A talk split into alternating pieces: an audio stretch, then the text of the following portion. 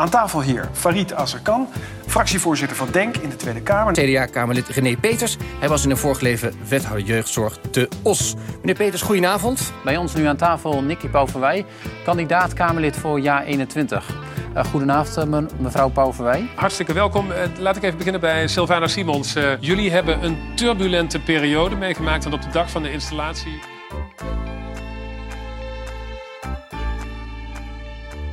Dit is Kamervragen. Mijn naam is Jan van der Rost. Ik ben 20 jaar en werk bij de afdeling communicatie van de Tweede Kamer. Met mijn eigen vragen op zak neem ik je mee op mijn weg door de Haagse wandelgangen.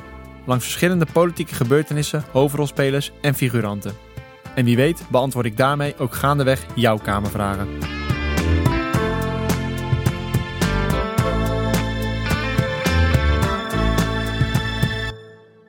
Als je Kamerlid wordt, verandert je leven drastisch. Je hebt het ontzettend druk. Je zit in het centrum van de macht. Je bent volksvertegenwoordiger. Dat hoorden we al in de eerste twee afleveringen van deze serie. Maar het volk dat je vertegenwoordigt wil dan wel iets van je horen. Ze willen weten waar je mee bezig bent en wat je daar in Den Haag voor hen doet. Wat betekent het voor een Kamerlid om ineens zo in de schijnwerpers te staan? Hoe houd je contact met de mensen die jou gekozen hebben? En hoe ga je om met kritische journalisten? Laten we beginnen met die eerste vraag. Hoe is het om in de spotlights te staan? Want waar je misschien eerst nog anoniem over straat kon gaan, weten mensen nu wie je bent en waar je voor staat. Hoe is dat? Mijn naam is uh, Farid Azekan. Ik ben fractievoorzitter van DENK. En ik zit nu vanaf, uh, wat is het, 22 maart 2017 in de Kamer. Ja, dat was ik met, uh, met Kuzu. En dat weet ik nog, toen, toen werden we een beetje afgesneden door een, een, een jonge jongen. En die zei, uh, die keek ons aan en die sneed ons een beetje af. En die zei, mag ik met jullie op de foto? En, en ik denk, ja, wat gebeurt hier? Weet je, ik schrok een beetje. En, uh, en die jongen was zo enthousiast dat hij was vergeten zijn helm af te zetten. Dus toen zei ik nog van, nou, als je nou je helm afzet, dan sta je zelf ook nog herkenbaar op die foto. Ja, het is, het is een beetje onwerkelijk. Het is een beetje, een beetje gek. Uh, ik denk dat, dat, dat als je natuurlijk kiest voor die, voor die politiek, om, om daar je, je politieke punten te maken, je, je achterban te vertegenwoordigen, je kiezers op een goede manier een stem te geven dan is dat het onderdeel waar je niet zo mee bezig bent. Hè? Dus in die zin komt dat erbij. Het is, het is, het is, ja, ik moet erbij zeggen, die bekendheid, het, het is ook niet altijd leuk. Uh, het vraagt ook altijd wel, wel energie, het vraagt ook altijd wel uh, tijd. Uh, ik maak dat er graag voor over, maar het is, het is altijd wel weer wennen. En, en nogmaals, ja, als je jezelf vrij normaal vindt, dan denk je altijd van ja, waarom zouden ze met mij iets, iets op de foto willen of zo? Nou, mijn naam is René Peters. Ik ben woordvoerder onderwijs, schuld en armoede, jeugdzorg. Ehm, in de Tweede Kamer, nu vier jaar. René Peters zit sinds 2017 in de Kamer voor het CDA en was daarvoor wethouder in Os, waar het er net wat anders aan toe ging dan in Den Haag. Nou, mijn leven is wel een beetje veranderd van, sinds ik Kamerlid was. Ik was hiervoor natuurlijk wethouder in Os.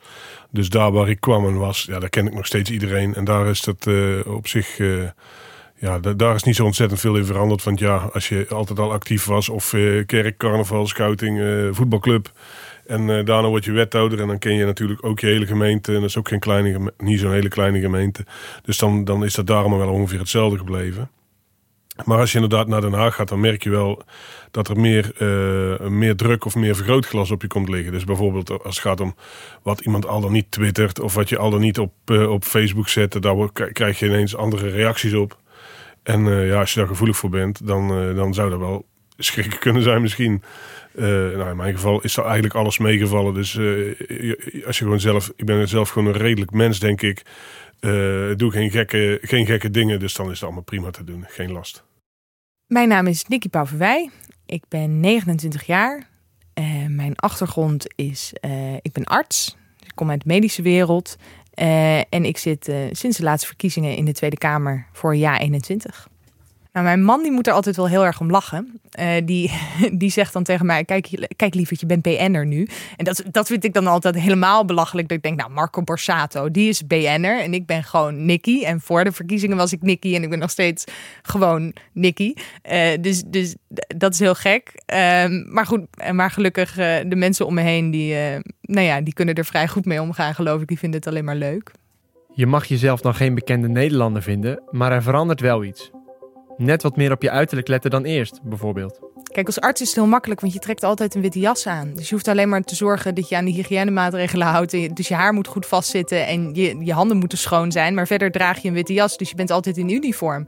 En dat heb je hier niet. Um, Terwijl ik ondertussen ook wel door dat mensen toch ook wel geneigd zijn om dingen te zeggen over hoe je eruit ziet en niet alleen over wat je zegt. Um, dus ik had er van tevoren nooit bij stilgestaan hoeveel je bezig moet zijn met uh, make-up als vrouwelijk Kamerlid. Uh, maar goed, nou ja, part of the job denk ik dan maar. Dus dat, uh, dat doe ik braaf, maar dat is heel anders dan mijn werk hiervoor. Ja. Andere politici hoeven daar weer wat minder aan te wennen. Zoals bij eenleider Sylvana Simons. Die staat al langer in de nationale spotlights. Ja, ik doe niet heel veel anders sinds ik in de Kamer zit op persoonlijk vlak. Ik was altijd al, uh, vond het altijd al leuk om uh, met mijn uiterlijk bezig te zijn. En ja, in de Kamer zijn overal altijd camera's. Dus ik denk daar nu ja, misschien nog net iets beter over na. of ik niet hetzelfde aan heb als gisteren of twee dagen geleden. maar verder hou ik er eigenlijk weinig rekening mee. Simons was in de jaren negentig dus al een BN'er. Ze presenteerde populaire muziekprogramma's op tv zoals Sylvana Soul. Leuk dat je naar TMF kijkt, de Music Factory. En dit is natuurlijk Sylvana Soul met elke week de vetste clips en de tofste gasten. Nou, het is voor mij wel heel erg leuk om te merken dat ik eigenlijk al 25 jaar een bekende Nederlander ben. En uh, dat nog steeds ben, maar dat de doelgroep uh, wel verandert. Dus uh, ik ben ooit begonnen als TMF-VJ en had dan vooral de jeugd nou, achter me aan, om het maar zo te zeggen. En die doelgroep is meegegroeid in mijn entertainment carrière, in mijn presentatiecarrière. Ja, en nu is het hetzelfde, maar volledig anders. Het gaat nu echt over de inhoud. Mensen spreken me echt aan over wat we in de Kamer allemaal doen. Waar ik wel ontzettend van geschrokken ben, is de hoeveelheid e-mails die ik krijg uh, van burgers. De mailadressen van Kamerleden staan gewoon op de site van de Tweede Kamer. Het is dus vrij makkelijk om met ze in contact te komen.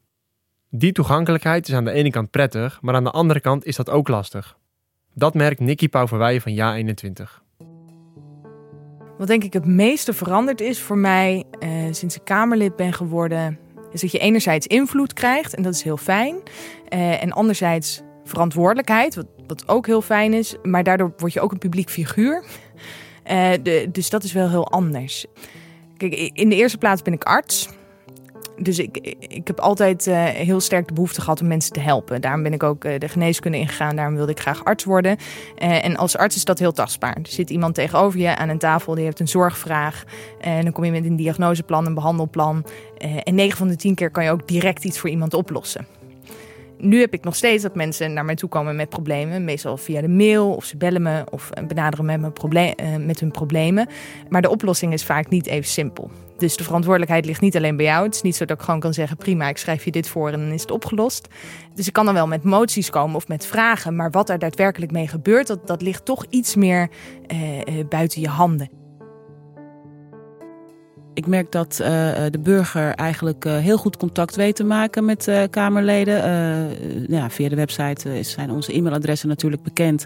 Dus elke burger kan ons mailen. En het doet wel zeer om te lezen dat er zoveel mensen in Nederland zijn die eigenlijk zo wanhopig zijn dat ze Kamerleden vragen van joh, kijk alsjeblieft nog eens naar mijn verhaal, kijk eens naar mijn zaak en zie of je me kunt, kunt helpen. En dat is vaak pijnlijk omdat je zo weinig kunt doen voor individuele gevallen. maar het is wel heel goed dat mensen het doen. Want het geeft wel goed inzicht over ja, waar gaat het nou mis tussen overheid en burger. Dus het is aan de ene kant schrijnend om te zien. Zoveel e-mails van zoveel mensen die in de problemen zijn gekomen door uh, de overheid. En aan de andere kant ben ik heel erg blij dat mensen ons weten te vinden. Zodat wij het ook uh, aan de kaak kunnen stellen. Er zijn momenten waarop persoonlijke verhalen kunnen leiden tot het blootleggen van een maatschappelijk probleem. Contact opnemen is dus niet zinloos. Door geluiden uit de samenleving weet je waar de overheid tekortschiet. Maar door als Kamerlid toegankelijk te zijn, is het ook moeilijk om aan het einde van de dag echt te stoppen met werken. De problemen die mensen delen zijn soms lastig los te laten. Nou, het publieke gedeelte ervan, dat, dat kan ik wel uitzetten. Maar ik vind het wel heel erg lastig Um, en, en dat is dan wellicht het enige wat heel erg wennen is. Um, dat als ik mailtjes binnen zie komen eh, ehm, van bijvoorbeeld bezorgde burgers die zich heel erg zorgen maken over een wet die daar aankomt en waar ik woord over moet gaan voeren, dan vind ik het lastig om mijn telefoon weg te leggen en te denken van nou, dat komt morgenochtend wel. Want zeker als je zo'n emotionele mail krijgt waar echt de zorg van afdruipt, dan voel ik wel sterk de verantwoordelijkheid van oké, dan, dan moet ik daar nu ook wat mee. Want als iemand me zo laat op de avond mailt, dan zal dat kennelijk wel hoog zitten. En dan kan mijn man wel eens zeggen van ja, maar hè, lieverd, je werkt al zoveel. Je mag ook best even rustig nu Netflix kijken en reageer morgenochtend maar. Nou, in die zin vind ik het lastig om het Kamerlid zijn uit te zetten. Het Kamerlid zijn uitzetten. Ook Sylvana Simons probeert dat, door tijd vrij te maken voor haar familie. Nee, ik heb uh, in de afgelopen 25 jaar natuurlijk heel goed kunnen oefenen in uh, uh, nou ja, het uitzetten van je bekende persoonlijkheid. Het moment dat je thuis komt. En ik heb echt al 25 jaar de gouden regel. Als ik de voordeur instap, dan ben ik gewoon weer mama. En anders herinneren mijn kinderen mij daar wel aan. Want ik heb al een paar keer te horen gekregen van... Hey, niet omdat je nou in de Tweede Kamer zit, dat je nou opeens bazig moet gaan doen, hè, mama. Dus ik denk dat het heel erg belangrijk is voor iedereen die in de, überhaupt in de belangstelling staat, om ook de mensen om je heen te verzamelen die je met beide benen op de grond houden. En kinderen zijn daar heel goed in, kan ik je vertellen. Nou, wat ik wel ontzettend jammer vind, is dat ik uh, nu nog minder tijd heb om uh, die lieve, uh, stralende, gezellige, altijd aanwezige oma te zijn. die ik mijn kleinkind zo gun eigenlijk. want oma heeft het natuurlijk ontzettend druk sinds ik in de kamer zit. dus dat vind ik wel jammer. tegelijkertijd maakt het wel heel duidelijk voor mij nu. De, door de weeks werk ik. En in het weekend probeer ik zeker tijd te vinden om met familie en vrienden, geliefden en mijn fantastische kleinkind door te brengen. En thuis hoef je misschien ook wat minder op je woorden te letten, toch? Oeh. Uh, ik denk dat ik thuis op de bank televisie kijkend uh, eigenlijk aan één stuk door politiek incorrect ben. Want dan heb ik ongebreideld commentaar op wat ik allemaal voorbij zie komen. Thuis op de bank moet het ook mogen. Als je daar al niet meer een beetje uh, nou ja, ziedend en woedend en scheldend voor de buis mag zitten, dan is, het, dan is de lol er wel gauw af. Maar goed, je bent en blijft volksvertegenwoordiger. Contact met de achterban is dus belangrijk. Zo belangrijk dat politici er in hun agenda ruimte voor vrijmaken. Zoals Farid Azarkan. Ja, ja, ja, kijk, ik, ik vind het heel belangrijk is dat wij uh, vanuit Denk heel vaak de interactie hebben met, met mensen die vertegenwoordigen. Want anders dan ben je een, een groep mensen die hier binnen zit te praten, terwijl je niet goed weet wat er buiten op straat gebeurt, wat mensen ervaren. Dat doen wij altijd. Wij zijn daarin heel laagdrempelig. Dus via social media kunnen mensen ons heel gemakkelijk bereiken. Maar wij willen ook elke vrijdag gaan wij het land in en dan zoeken wij de mensen op.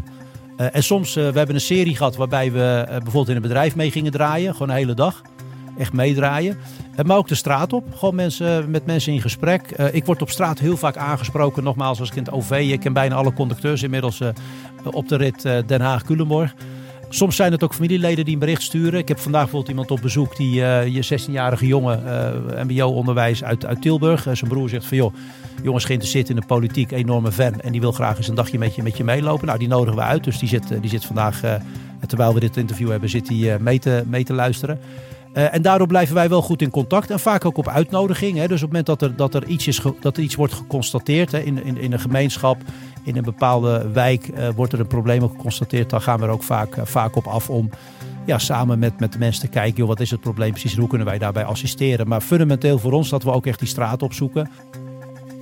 Nou, we gebruiken social media natuurlijk wel om uh, uh, onze achterban te informeren. Dus als we moties hebben ingediend, dan delen we dat. Of als we schriftelijke vragen hebben ingediend, dan delen we dat. Ik ben me er heel erg goed van bewust, dankzij wie ik in de Kamer mag zitten en met welke opdracht ik daar zit. Uh, maar ik kijk natuurlijk ook uit uh, voor cliëntelisme in de zin van uh, ik, ik, ik ben er alleen maar voor de mensen die op me gestemd hebben. Uiteindelijk ben ik volksvertegenwoordiger en is het überhaupt ons politieke ideaal om een samenleving te creëren die werkt voor iedereen. Maar ik ben de mensen die mij hier ingestemd hebben natuurlijk ontzettend dankbaar en ik zal ook nooit vergeten waarom dat gebeurd is. Wat Nicky Pauverwij vooral fijn vindt aan sociale media zijn de reacties van kiezers. Die helpen haar scherp te blijven. Ja, ja, zeker veel directe feedback, zowel vanuit mijn persoonlijke omgeving. En dat is dan vaak vooral steunend van aard. Van hé, hey, ik heb gekeken en je deed het goed. En nou ja, goed, even laten weten dat ze aan me denken, zeg maar. En dat waardeer ik natuurlijk heel erg. Uh, maar ook vanuit de achterban. Uh, en dan vaak ook inhoudelijke feedback. En daar ben ik ook heel erg dankbaar voor. Want als mensen ehm, nou ja, goed, het er graag inhoudelijk over willen hebben. Of ze hebben vragen over je zei dat, maar wat bedoel je dan precies? Dan weet ik dus ook van oké, daar moet ik dan de volgende keer iets duidelijker over zijn. Eh, maar ook als ze inhoudelijke kritiek hebben op een standpunt. Ja, dat is ook belangrijk om mee te nemen. Dus juist die interactie die je kan hebben, social media maakt het ook veel makkelijker. Ehm, dat vind ik wel fijn, want dat zijn toch de mensen waar je het voor doet. Dus die moeten je ook voeden. Ehm, ja, zodat je ja, die connectie kan houden en ook je standpunt bij kan schaven of kan verscherpen waar nodig is. CDA René Peters heeft zijn eigen systeem, waarmee hij op de hoogte kan blijven van alles wat er binnen zijn portefeuille speelt. Nou, ik vind het heel belangrijk om de afstand tussen mij en uh, ik ben volksvertegenwoordiger, dus ik vertegenwoordig volk. En uh, nou ja, dat wil zeggen dat ik ze ook nog graag wil zien, horen, spreken uh, of ik hou er graag voeling mee. Dus ja, in, ik heb er een aantal manieren voor die voor, voor mij in ieder geval heel goed werken. Ehm, ten eerste, je hebt de maandag en de vrijdag waarbij je heel veel werkbezoeken pakt. Uh, wat ik dan doe als ik bijvoorbeeld volgende week woensdag een debat heb over jeugdzorg, dan uh, ga ik de maandag ervoor uh, op bezoek bij een instelling of bij, ehm, bij mensen die me over het onderwerp waar het debat over gaat, nog vanuit de praktijk voeden, zeg maar. Nou, en dan is het debat geweest. Dus koppel ik weer terug wat ik heb gedaan. En, en zo hou je daar, hebben die mensen ook het idee van er wordt niet alleen er komt niet alleen iemand langs voor de foto, maar er wordt ook geluisterd of iets gedaan. In ieder geval met onze inbreng. En er wordt ook terugkoppeling op gegeven. En dat, dat werkt gewoon ontzettend goed. Um, zo bouw je enorm netwerk uit die, in, die ik gewoon een appgroep stop.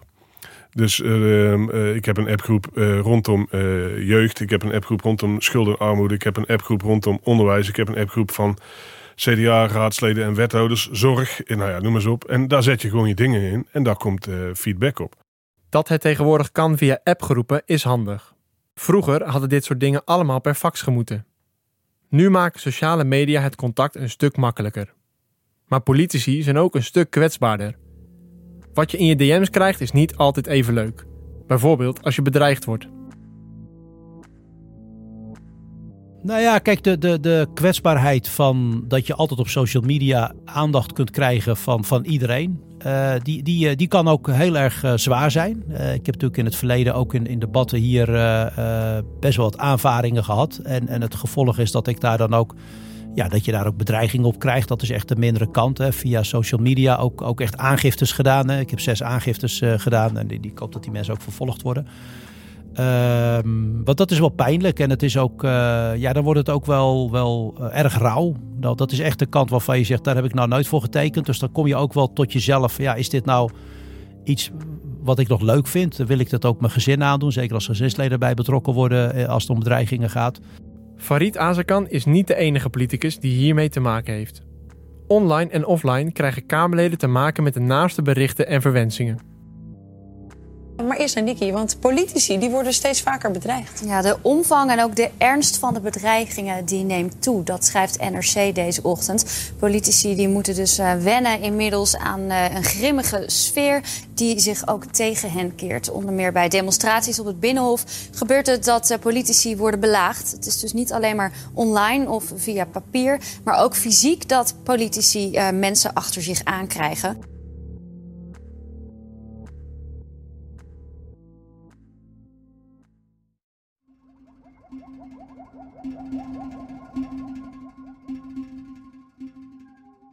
Maar kun je als politicus dan nog wel veilig het gesprek aangaan om je zo goed mogelijk te verdiepen in jouw onderwerpen?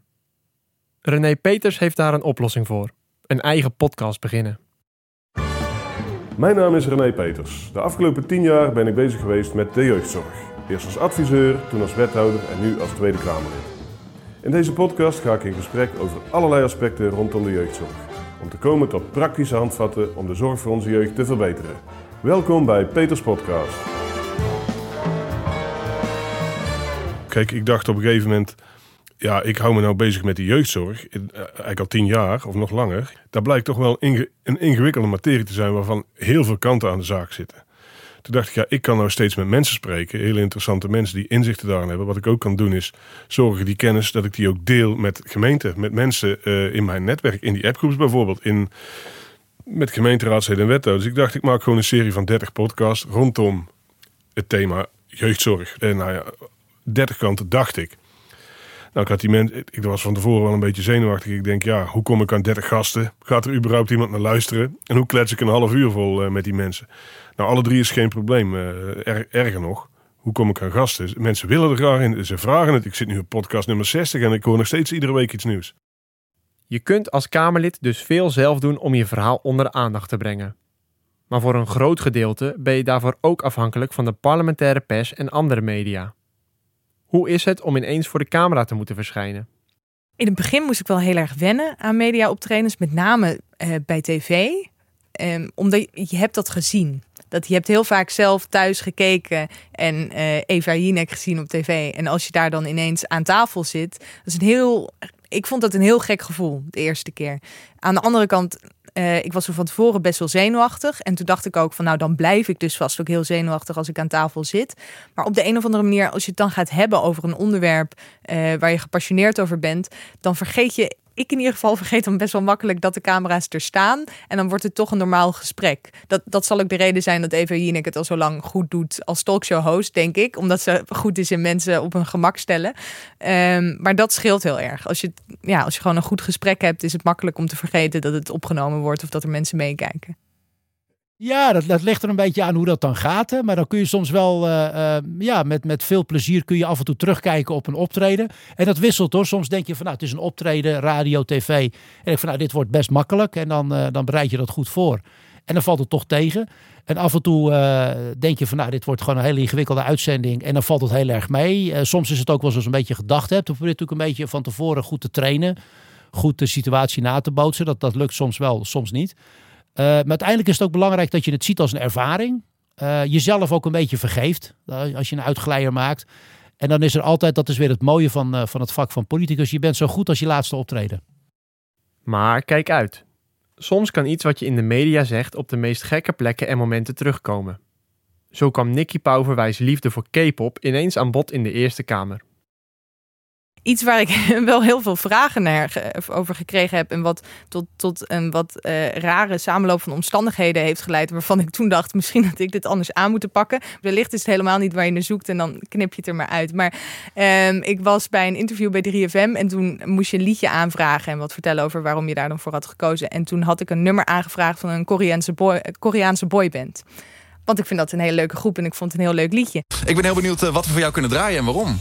Ik wil heel graag uh, Dynamite horen van BTS. Oh yes, dat nou. is echt top. Ja, jij, jij bent helemaal fan ook, Thijs, Ja, toch? ik ben een enorme BTS-fan geworden, dankzij dit liedje. Ja. Uh, jij ook? Ja, ik ook. Nou, al voor dit liedje. Ik ben een beetje... Uh, Lubach die had het over, op een gegeven moment over de fabeltjesfuik. Die algoritmes uh, van ja. YouTube. Dus ik had een gezien bij Carpool Karaoke. En toen ben ik door gaan klikken. En voordat je het weet, bestaat je halve suggesties bestaat uit Koreaanse muziek. Ja. Uh, ja, dus tijdens de lockdown ben ik een BTS-fan geworden.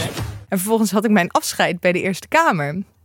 En toen begon de voorzitter van de Eerste Kamer uh, die begon een verhaal over mij, uh, zoals de gewoonte is daar, waarin dat terugkwam. Maar best wel uitgebreid ook. Uh, uh, en dat hij begon te vertellen daarover. En ik zie al die senatoren zo omdraaien naar mij en kijken van waar heeft hij het over? Koreaanse boyband, popmuziek, rappers, wat? En dus ik liep steeds roder aan en probeerde een beetje onder mijn tafeltje te zakken. dus toen dacht ik wel, oké, misschien had ik dit niet moeten noemen of in ieder geval niet terug moeten laten komen in de Eerste Kamer. Um, ja, maar dat is denk ik wel het meest uh, gênante moment dat ik tot nu toe heb, heb gehad. Dus dan kom ik er vrij goed af, denk ik zo.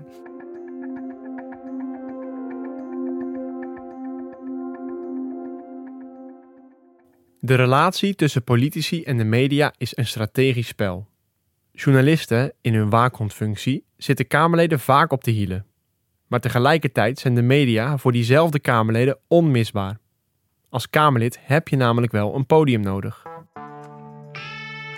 Mijn naam is Marieke van der Zilver. Ik ben politiek verslaggever bij RTL Nieuws. En ik werk nu zo'n uh, drie jaar op het Binnenhof. Kijk, uiteindelijk is voor elk Kamerlid in de huidige tijd het belangrijk ook om zichzelf te profileren. Um, vanuit, ook vanuit de partij is de werkelijkheid gewoon zo hard dat als jij niet voldoende laat zien waar je, wat je zelf in je mars hebt, ehm, probeert je op jouw dossier eh, zo goed mogelijk te laten gelden, ja, dan is de kans dat je eh, een tweede termijn krijgt in, in ja, wat ik dan zal noemen de mediawerkelijkheid van deze tijd. Ja, gewoon aanzienlijk kleiner. Dus je ziet toch wel dat ook eh, partijen van de coalitie één keer in de zoveel tijd hun best doen om met eigen plannen ook ons te benaderen, al dan niet via een woordvoerder. Het is als Kamerlid dus belangrijk om goede banden te onderhouden met politieke verslaggevers. En volgens Farid Azarkan kan het soms best gezellig zijn. Ja, het is natuurlijk wel, wel verstandig om met uh, parlementaire journalisten in het algemeen, uh, maar, maar zeker met een aantal specifiek ook goede contacten te hebben. Dat helpt. En dus, dus in het begin is dat natuurlijk via gesprekken elkaar leren kennen. Nou, op die manier, omdat je natuurlijk samen dingen doet, kom je met elkaar in contact. En zo af en toe ontstaat er ook een, ja, iets, iets meer in die zin dat bijvoorbeeld ik, ik een jaar of drie geleden kreeg de uitnodiging van Frits Wester en Floor Bremer. Die gingen de avond vierdaagse in Nijmegen lopen. En die nodigde Kamerleden uit om één dag met ze mee te lopen. Zij lopen vier dagen. En ik zat daar ook bij. Maar ik, ja, dan ben ik zo dat ik denk van ja, maar wacht eens even. Dan ga ik echt de hele dag mee lopen. Dus wel 40 kilometer. Dus dan ga ik echt drie uur uit bed. En dan sta ik op half vier, zat ik op de motor. Omdat ik dacht, ja, dan kan ik sneller door de binnenstad van Nijmegen.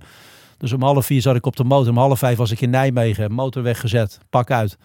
En vervolgens uh, loopschoentjes aan. En 40 kilometer met Frits Wester en Floor Bremer meegelopen. Tot uh, weer helemaal terug. Van Nijmegen en weer terug via Lente. Weer terug naar Nijmegen. Pijn in de voeten, maar, maar dan, heb je ook andere verhalen. Dan ken je elkaar wat beter. En dat betekent dat als er dus weer een, een, een, een thema is wat, wat voor ons belangrijk is, dan kunnen we die contacten goed, goed benutten en andersom. Dus ik heb ook wel eens dat, dat eh, RTL of NOS uh, eh, maakt dan een item over iets. En dan zeggen ze, joh, kunnen we jou daarvoor vragen? Want dat, dat vinden we leuk. Uh, en, dan doe ik dat ook. Dus in die zin is dat echt wel een wisselwerking. Je kunt gewoon niet zonder elkaar. Het is, het is wel goed natuurlijk de parlementaire journalisten ook wel echt hun afstand wel, wel behouden. En natuurlijk onafhankelijk journalistiek blijven bedrijven. Niet te veel op schoot zitten bij Kamerleden en andersom. Dus, pers en politiek kunnen niet met, maar ook niet zonder elkaar.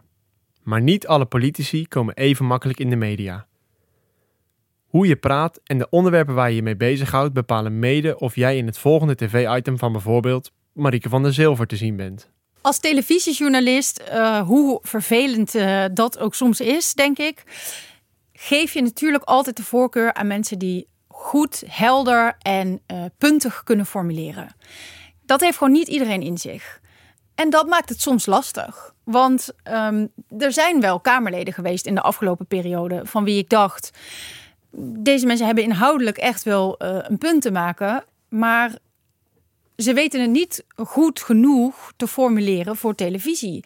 Dan ben ik voorzichtig met hen uh, te vragen voor mijn item. Kijk, je moet je voorstellen, voor RTL Nieuws werken wij um, uh, voor een uitzending en ik mag een item maken van nou, meestal tussen de anderhalf en twee minuten. Als je dat gaat uh, in stukjes gaat hakken, als het ware, dan wil dat zeggen dat een één quote onafgebroken maximaal 15 tot 20 seconden moet duren. Die tijd heeft dus iemand om een punt te maken. Dat is echt heel weinig. En er zijn dus ook niet, um, uh, ja, niet alle Kamerleden zijn daartoe in staat. En wat ook denk ik meespeelt, niet alle Kamerleden willen dat. En dat is voor een deel ook terecht. Sommige uh, onderwerpen zijn nu eenmaal ook heel moeilijk terug te brengen naar zo weinig tijd. Tegelijkertijd denk ik dat het de taak is van zowel mij als journalist als van het Kamerlid om dat toch zo goed mogelijk te proberen. Want televisie is nog wel altijd een, een groot en invloedrijk medium. Um, dus het helpt ook het onderwerp, het helpt ook de inhoud. Als je het zo goed mogelijk weet terug te brengen tot de kern en het zo bondig mogelijk weet samen te vatten. En ik vind het ook geen probleem als journalist om daar uh, een politicus af en toe bij te helpen. Kamerleden zijn niet altijd even blij met die medialogica, zoals René Peters. Hij gaat liever wat meer de diepte in. Ja, via de parlementaire pers is, is in zoverre iets lastiger. Als het gaat om als je gewoon een genuanceerde mening hebt die uh, puur inhoudelijk zeg maar is, die is moeilijker verkoopbaar in one-liners of in slogans. Dat is ook, uh, dus kijk, als er ergens iets aan de hand is en je zegt dit is schandalig, er moet meer geld komen of meer wetgeving of uh, nou nog maar dan heb je een, een, headline. Of in ieder geval dan, dan komen ze op je af. Als je zegt misschien ligt de zaak toch iets genuanceerder. Eens kijken wat de achterliggende oorzaak is. En zo daar eens wat aan doen. Dan is het al snel te ingewikkeld. Dus dan is het uh, niet ingewikkeld voor de parlementaire pers zelf. Maar wel voor, uh, om, om veel luisteraars te trekken. Die denken, ik heb, zit helemaal niet te wachten op technische verhandelingen over wetgeving. Die willen gewoon horen dat iets schandalig is. Want ze, ze verkopen natuurlijk toch vooral makkelijk slecht nieuws. Daar vinden mensen leuker om naar te luisteren. Dus ja, uh, via die lijn moet ik het niet hebben. Dus ik schrijf gewoon dan opiniestukken. Die worden altijd geplaatst. Daar heb je meer ruimte. Dus uh, dat doe ik wel. Ik schrijf wel graag. Maar uh, wachten totdat mensen afkomen op een, een wettekst of zo of iets. Daarmee dat is gewoon een zinloze exercitie. Want die mensen komen niet. Maar ook journalisten moeten wel eens uitgebreider de tijd nemen. Bijvoorbeeld voor een kritisch interview. Voor Marieke van der Zilver is één interview haar het meest bijgebleven. Het verhaal werd trending op Twitter en haalde alle landelijke media. Nou, het meest bijzondere interview dat ik ooit heb gedaan uh, met een Kamerlid is uh, een interview dat ik ooit had met Thierry Baudet. Uh, en u bent continu bezig, u bent een beetje geobsedeerd door dit thema, heb ik de indruk. Nou, helemaal niet. Ik vraag me gewoon af hoe u daarover denkt. Ja, maar volgens mij probeer ik steeds dingen aan te reiken. En u komt elke keer terug op de van tevoren. Nee, u, u, u, nee, nee, nee, nee, nee, het is niet mijn voorbereide stokpaardje. U probeert elke keer opnieuw de vraag op te werpen. Ik hoop dat u nu ook een keer antwoord gaat geven. U heeft daar toch zelf ook een mening over? Toen had hij een essay geschreven over uh, het nieuwste boek van uh, Michel Welbeck. Wat Baudet uh, vaak doet, is dat hij um, een stuk rood vlees in de arena gooit.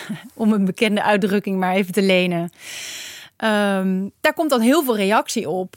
En ja, hij reageert daar dan niet altijd op, op die reacties of, of, of wil daar geen verantwoording over afleggen. In dit geval, over dit interview, had hij ook gezegd: ja, ik wilde alleen maar vragen stellen. Ik wilde alleen maar vragen opwerpen. Een paar dagen later kwam hij voorbij uh, mijn uh, microfoon en camera. En juist omdat het een paar dagen later was, wist ik, ik heb, ik heb de tijd voor dit interview. Ik hoef niet een specifiek uh, soundbite voor, voor de televisie te maken. Dus ik dacht, we gaan het echt even uitdiepen. En ik heb echt de tijd genomen. We hebben daar um, nou, meer dan tien minuten gestaan. En toen ik dat interview had afgenomen, toen dacht ik eigenlijk, ja, wat, wat was dit nou eigenlijk? ik heb het op de redactie laten zien aan mijn collega's. En we hebben uiteindelijk besloten van nou, uh, laten we het maar gewoon eens integraal online zetten. Ook omdat er vaak van buitenaf de kritiek komt, uh, zowel van, uh, van, van Forum voor Democratie, dat er vaak in interviews geknipt wordt. Hè, waardoor het volgens hen niet altijd de hele sfeer of ideeën van het interview worden weergegeven. En aan de andere kant hoor je van buiten vaak de kritiek dat politiek journalisten niet goed genoeg doorvragen. Dus wij dachten, laten we dat interview maar gewoon in het in, in, in integraal online zetten. Nou, daar zijn toen enorm veel uh, reacties opgekomen. Zowel heel veel negatieve als heel veel positieve. Ja, dat zal mij altijd bijblijven, dat interview. Vlak daarna ging Baudet in, in debat bij Pauw met, uh, met Mark Rutte. En toen reageerde hij ook op mij op een manier dat ik ook wel zag van... oh, het heeft, weet je, hij was zich ook wel bewust van hoe dat interview ja, naar buiten was gekomen. Uh, overigens heb ik nooit verder kritiek uh, gehad van Baudet of van Forum voor Democratie over de manier waarop we dat gedaan hebben. Dus kwam hun denk ik ook niet slecht uit dat het uiteindelijk integraal op die manier online werd gezet. Grote en gevestigde partijen weten de weg naar de media makkelijker te vinden. Als nieuwe en kleine partij kan dat soms moeilijker zijn, merkt bijeenleider Sylvana Simons. Nou, ik heb eigenlijk nog uh, uh, relatief weinig te maken gehad met de parlementaire pers. We zijn natuurlijk overal in het gebouw, je kunt ze overal tegenkomen. En uh, ik ben ook hier en daar zeker al eens geïnterviewd, ook voor, voor podcasts van bekende parlementaire journalisten. En het is hartstikke leuk. Ik denk dat het heel erg belangrijk is dat we ja, goed weergeven het werk dat we hier doen, wat er allemaal bij komt kijken. Tegelijkertijd heb ik ook vaak kritiek op de parlementaire pers, omdat ik vind dat zij hun focus heel erg leggen op de grote partijen en de grote namen. Uh, op de sensatie en, de, en de, de snelle quotes. Terwijl ik denk dat zij ook een taak hebben om mensen heel goed voor te lichten over hoe werkt uh, het parlement nou, hoe, uh, Uh, uh, wat zijn de regels? Waar moet je op letten? En ook wat brengen de kleine en nieuwe partijen in? Omdat zij vaak met een nieuw geluid komen. Dus ik zou zeggen dat het een, een lichte haat-liefde verhouding is uh, die ik heb met de parlementaire pers. En volgens mij is dat ook goed. Want de, de, parlementaire pers is er niet om vrienden te zijn met, met de politiek. Maar om het volk goed te informeren over wat er allemaal goed gaat en wat er allemaal misgaat. Hoe de media werkt, hoe de politiek werkt, hoe ze samenwerken, daar is wel eens kritiek op. Het blijft een bijzondere wisselwerking, maar wel een noodzakelijke. Het is op dit moment natuurlijk een heel interessante tijd ook om, om het hierover te hebben. Omdat het natuurlijk vaak gaat over uh, nou, hè, de macht en tegenmacht en dualisme. Dat zijn dan de dingen die de hele tijd uh, worden, worden rondgegooid. En, en, natuurlijk uh, de afgelopen informateur Herman Tjenk Willing, die ook zei over de journalistiek dat wij ook deel uitmaakten van wat hij dan het probleem noemde. Um, dus dat zijn allemaal heel interessante vragen. Want wat er natuurlijk. Wat, wat je hier in Den Haag vaak ziet, is dat. Um, hypejes kunnen heel erg de dag. Uh, kunnen heel erg het nieuws regeren. En zo'n hypeje kan ook door ons allemaal in stand worden gehouden. Want. Uh, nou, er gebeurt iets. Um, media willen daar iets mee, vragen reactie op van de politiek. Die politiek, uh, de, de, een Kamerlid reageert, een ander Kamerlid reageert daar weer op. Daar ontstaat misschien weer een nieuw draadje aan het nieuws. Moeten Kamerleden daar weer op reageren? En eigenlijk zijn dat precies, um, is, is dat precies een dynamiek die iedereen vervelend vindt.